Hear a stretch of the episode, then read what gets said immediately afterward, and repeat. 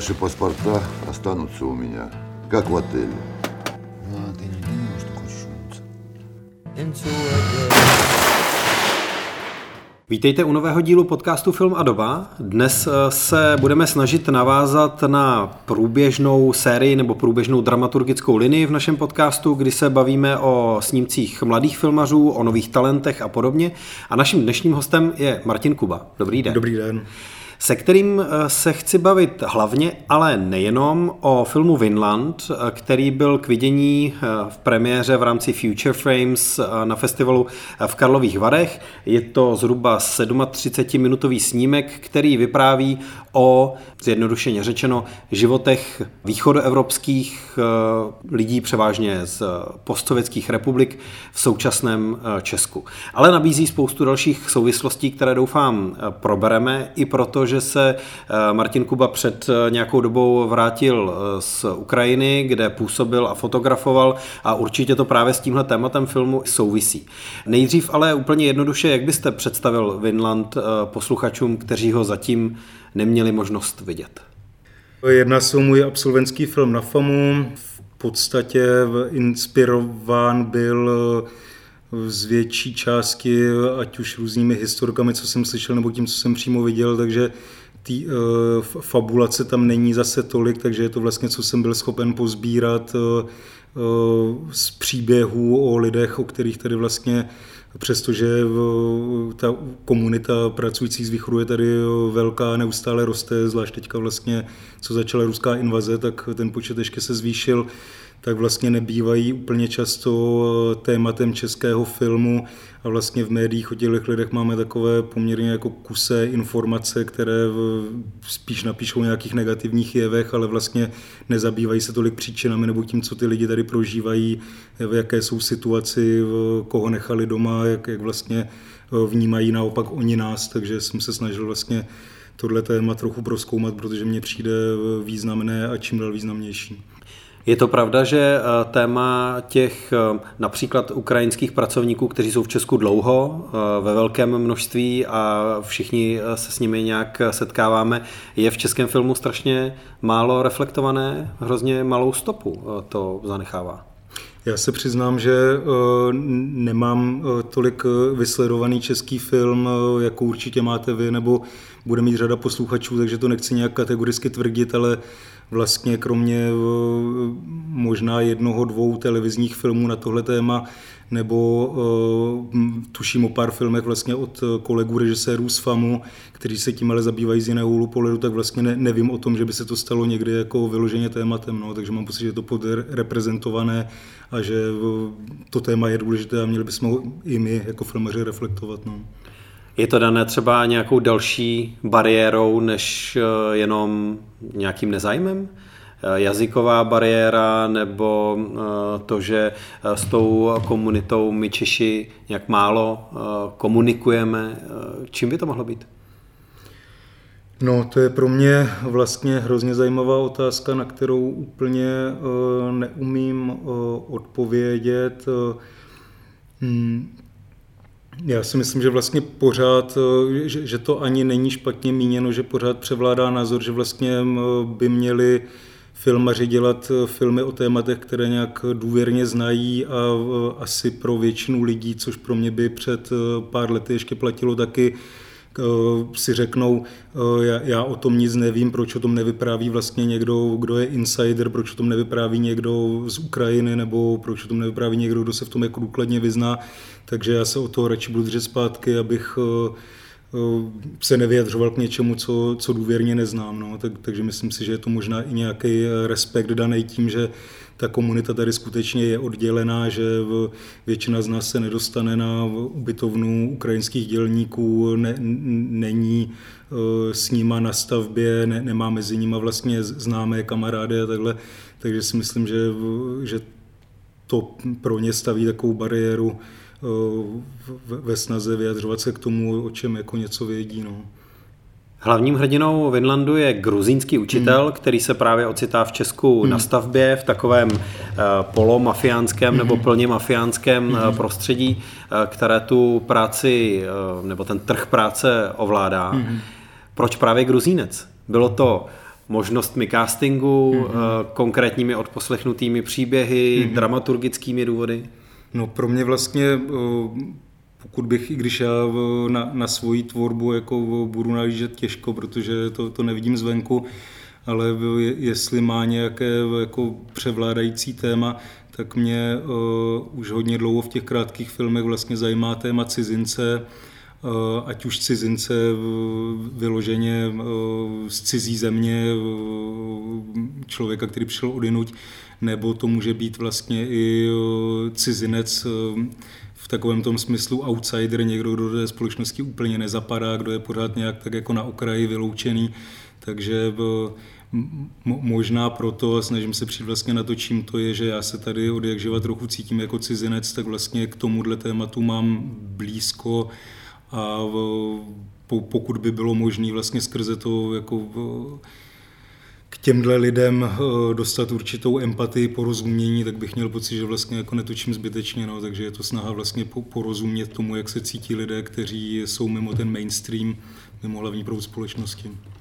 Když se bavíme o těch lidech, kteří jsou nějakým způsobem na okraji nebo o pocitu hmm. cizosti, tak eh, mě napadá váš film Blouznivci z Podkrkonoší. To je film vlastně o spiritismu, hmm. o lidech, kteří věří na různé formy duchy, astrologie nebo další kultní záležitosti, zjednodušeně eh, řečeno, eh, tak to je třeba jako příklad nějakého okraje nebo pocitu empatie k okraji nad rámec toho, že by šlo o cizince nebo nějakou jinou národnost. Děkuju, nikdy by mě to nenapadlo a překvapuje mě, že, že tenhle film někdo viděl. Já bych řekl, že tam vlastně se jedná o lidi, kteří všichni víme, že ta česká společnost je teďka taková že máme největší poměr, dejme tomu, jako ateistů v Evropě, že nejsme úplně nějak jako náboženští, duchovní, spirituální a vlastně tohle jsou lidi, kteří žijou v nějaké realitě, který by se vlastně hodně lidí zasmálo, měli by pocit, že to jsou vlastně jako blázni, Eh, navíc vlastně ta jejich realita, nějaká tradice té komunikace v, eh, s mrtvými v Podkrkonoší, tak poměrně jako mizí, vymírá, takže oni vlastně taky jsou taková jako skupina, která, které nikdo dneska moc jako nerozumí a můžou se vlastně cítit, že, že, že jsou v tomhle svém pohledu jako na realitu sami. No. Jaké byly přípravy v Inlandu? Právě proto, že jde o film, který se odehrává ve specifické komunitě, takže eh, jako důraz na realistické složky stvárnění toho prostředí, postav, přípravy herecké akce. Bylo to komplikovanější než jiné náměty?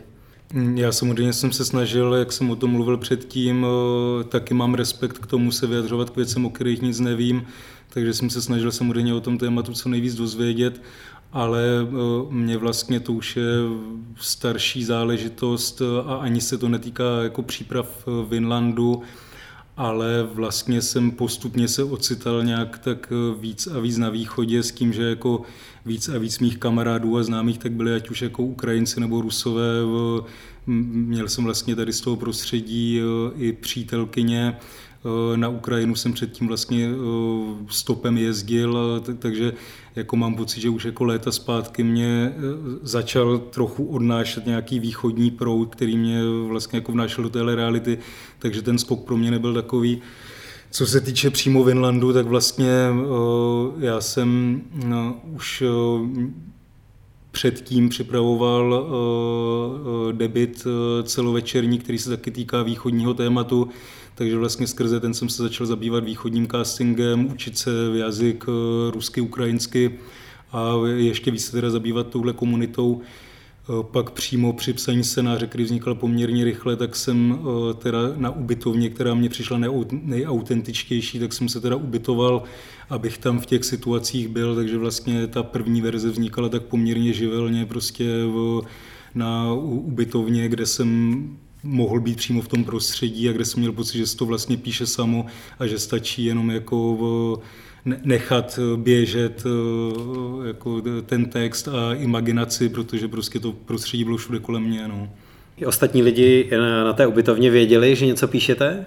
Případně jako jaký k tomu měli vztah? Já jsem to říkal, ale myslím si, že jim to bylo dost jedno a že spíš vlastně to pro mě bylo zajímavé takže si vlastně mysleli, že jsem na tom tak špatně sociálně, že mě nezbývá než bydlet na ubytovně.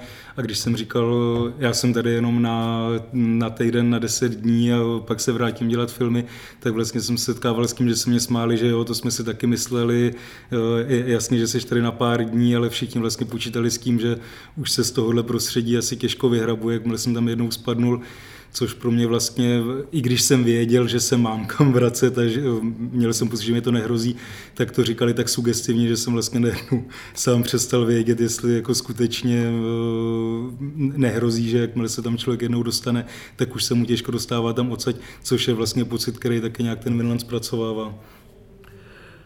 Co se stalo se všemi těmi východoevropskými náměty, zjednodušeně řečeno, po ruské invazi, po té ne na východní Ukrajinu, hmm. a nemluvíme o té separatistické hmm. válce v roce 2014, ale o letošní plné uh, ruské invazi na Ukrajinu.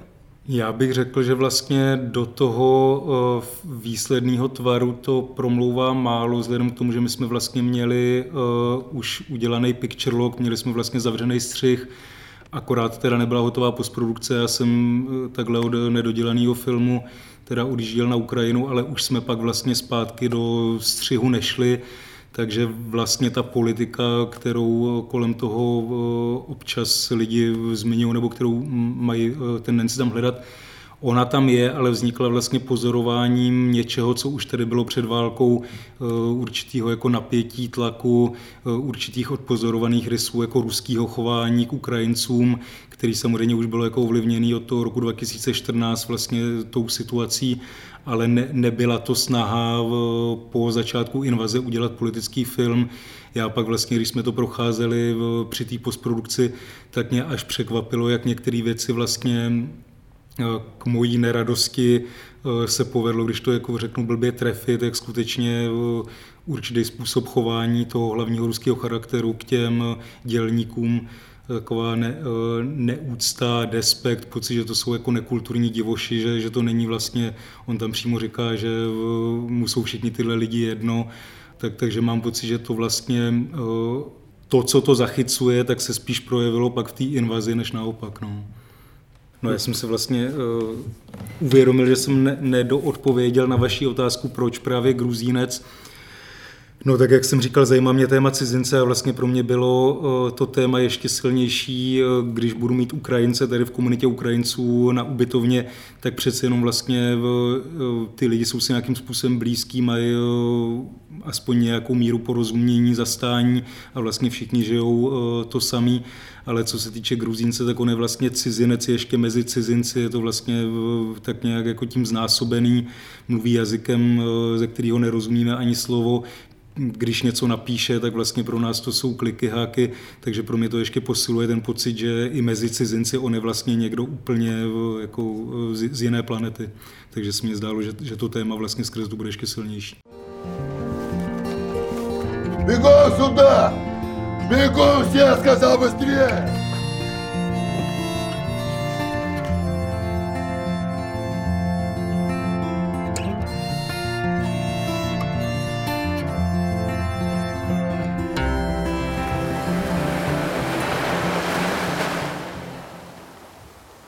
A jaký hlavní pocit nebo jaký hlavní zážitek jste si teda odvezl z Ukrajiny? Kam jste odjížděl, když konflikt rychle eskaloval na začátku A vy jste měl rozstříhaný, ale už nějakým hmm. způsobem eh, ne finalizovaný, ale eh, dost jako pokročile připravený eh, film na téma postsovětských národů a nelegálního pracovního trhu tady?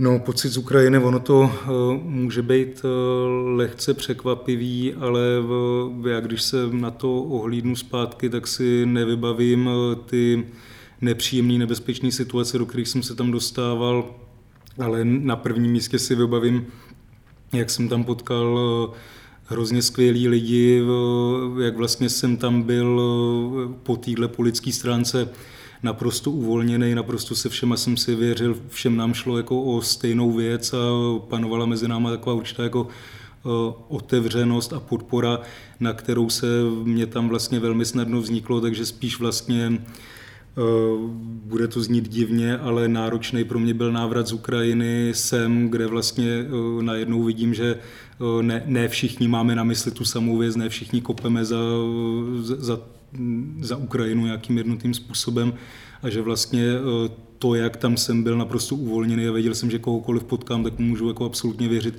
tak to se mě tady dosahuje těžko. No. Takže uh, můj pocit z Ukrajiny je naprostý nadšení z těch lidí a z té energie, která tam byla uh, mezi nima. Uh, ono taky vlastně v těch oblastech, kde jsem byl třeba v tom Charkově, tak tam nikdo, kdo nějakým způsobem nepomáhal nebo nebojoval, tak eh, vlastně nezůstával nebo ujel, ať už na západní Ukrajinu, nebo se snažil prostě z té nebezpečné zóny dostat. Takže tady opravdu eh, já jsem se cítil eh, tak hrozně dobře a navázal jsem tam tak jako vřelý kamarádský vztahy, že to mě vlastně jako doteďka sice tady nepadají bomby, ale tohle mě vlastně chybí. No. Ukrajinští filmaři nebo všichni lidi z ukrajinské kultury hodně mluví o procesu dekolonizace v tom, čeho se snaží dosáhnout mm-hmm. vůči Rusku a jakých ruských vlivů se zbavit, pokud teda nebudeme mluvit o samotném jako mm, ozbrojeném konfliktu, o samotné obraně země e, vojenské. O tomhle jste uvažoval v souvislosti se svým filmem nebo ne? Mm-hmm. Já konkrétně slovo dekolonizace slyším poprvé od vás, ale přijde mně uh, hodně přesný, protože mám pocit, že vlastně to, co se ze strany Ruska děje, uh, tak velmi připomíná prostě uh, ten koloniální pohled, který měli třeba Evropani na, na, na ty národy, které se snažili kolonizovat.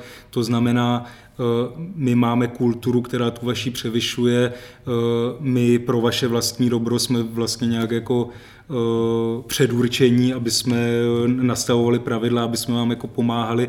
A vlastně můžou mít až pocit, že jak to vidíme u zdůvodnění té ruské invaze, že, těm, že ty národy osvobozují, že jim pomáhají, takže vlastně mám pocit, že ano, skutečně to, co se děje, tak je, že Rusko se snaží kolonizovat národy kolem sebe což samozřejmě je z mnoha důvodů nesmyslný až směšný, když se podíváme jako do historie, kde vlastně jako eh, ta ruská navazuje až na Kijev, který eh, jako vlastně nějakou moskevskou Rus předcházel o mnoho set let a vlastně eh, Kijev byl někdo, kdo učil Rusy psát, dal jim nějaký základy kultury a náboženství, tak působí to jako řada dalších ruských páchorek, eh, eh, až, až kdyby to nebylo tak tragický, tak až legračně. No. Vinland jako film eh, předznamenává nebo uvádí moto Henryho Davida Thoreau, hmm. které já si jako divák vykládám, že je hlavně vaším motem. O tom, že vás to táhne víc na východ než na západ. Nebo se to vztahuje k postavám toho filmu? Mně to vlastně přijde uh, jako na úvod nějaká taková, možná bych si to stáhnul k té hlavní postavě toho filmu, e, nejenom k sobě, přijde mě to jako nějaká e, vlastně myšlenka, se kterou, a nejde jenom o migranty z Ukrajiny, ale vlastně mnoho z nás po otevření hranice Evropské unie, tak hrozně toužilo na západ a, do Ameriky a, do Anglie a vlastně všichni přitom měli pocit, že eh, jako je tam, jak se říká anglicky, grass is greener, že je tam prostě zelenější tráva, že jim tam bude líp, ať už po ekonomický eh, nebo jakýkoliv jako další stránce. Takže vlastně eh, ten film je trošku antiteze tohodle našeho pocitu, že nám někde bude líp ale vlastně ono tam nejde jenom o světové strany, prostě pořád doufáme, že v tom dalším městě a v tom dalším vztahu a že všude nám bude nějakým způsobem líp a vlastně si neuvědomujeme, že to, co ztrácíme, je možná jako víc a jak těžko se nám pak může vracet a v, jak se taky říká anglicky, be careful what you wish for, že kolikrát to, čeho se snažíme dosáhnout a co je až, až, až v tom dalším městě a v tom dalším státě, tak eh, že, že vlastně může být naopak, než to, v co doufáme, no, nebo co si přejeme. Takže je to taková věčná touha lidí, aby se měli líp, eh, která nás pořád jako nutí. Eh, ono je to vlastně považovaný za takový hlavní migrační směr, takhle jako východ-západ, jenom prostě tady ukazuju na příbězích těch lidí, jak to může taky dopadnout.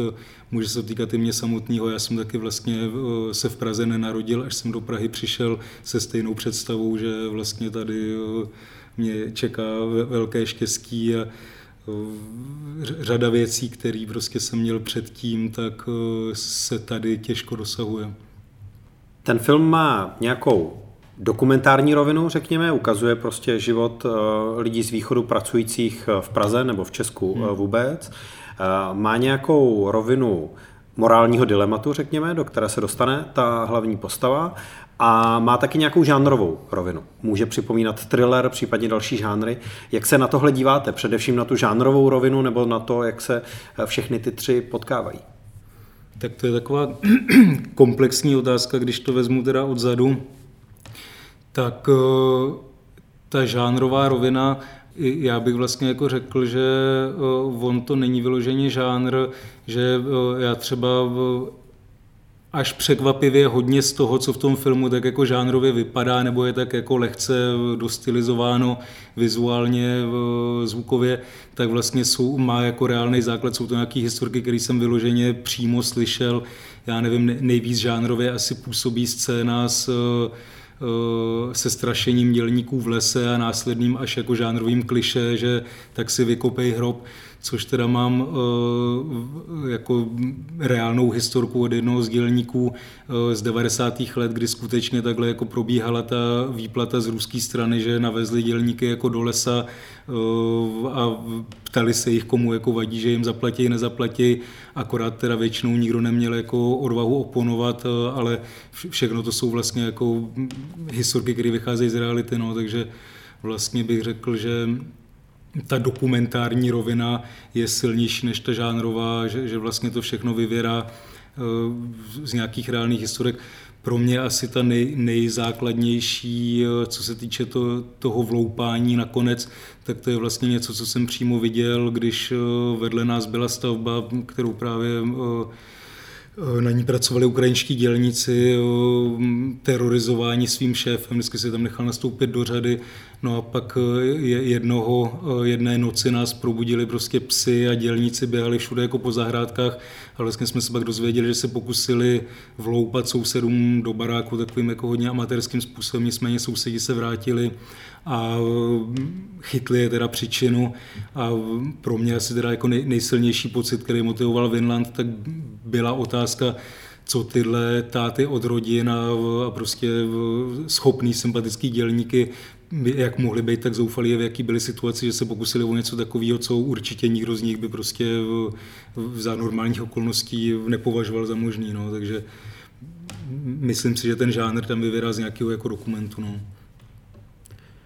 Já se na Vinland vlastně dívám jako na takový menší celovečerní film, nejenom kvůli té stopáži, která přesahuje hmm. půl hodiny, ale taky jako na příběh, který kdyby se doplnil o několik dalších epizod a sledoval vývoj hlavní postavy od momentu, kdy přichází do Česka hmm. za prací eh, přes eh, nějaké to dilema, ve kterém se hmm. ocitne a způsob, jakým se ho odhodlá řešit, eh, že by vlastně vydal na plochu, která by i citelně přesahovala jednu hodinu stopáže. Jak to bylo?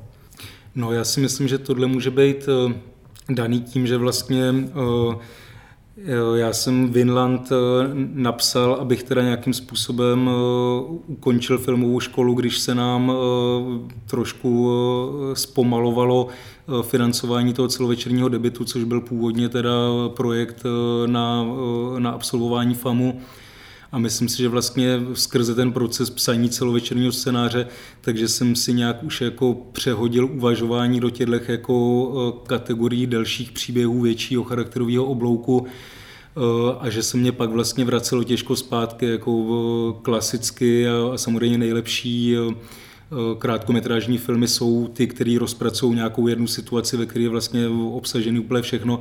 Tady to tak není, sledujeme poměrně dost jako vyklenutý oblouk, víc postav, eh, má to spíš jako epickou strukturu, tím nemyslím jako epicky působivou, ale takovou jakoby fragmentární, e, epizodickou a takhle. takže vlastně od začátku ta struktura filmu byla dost problematická.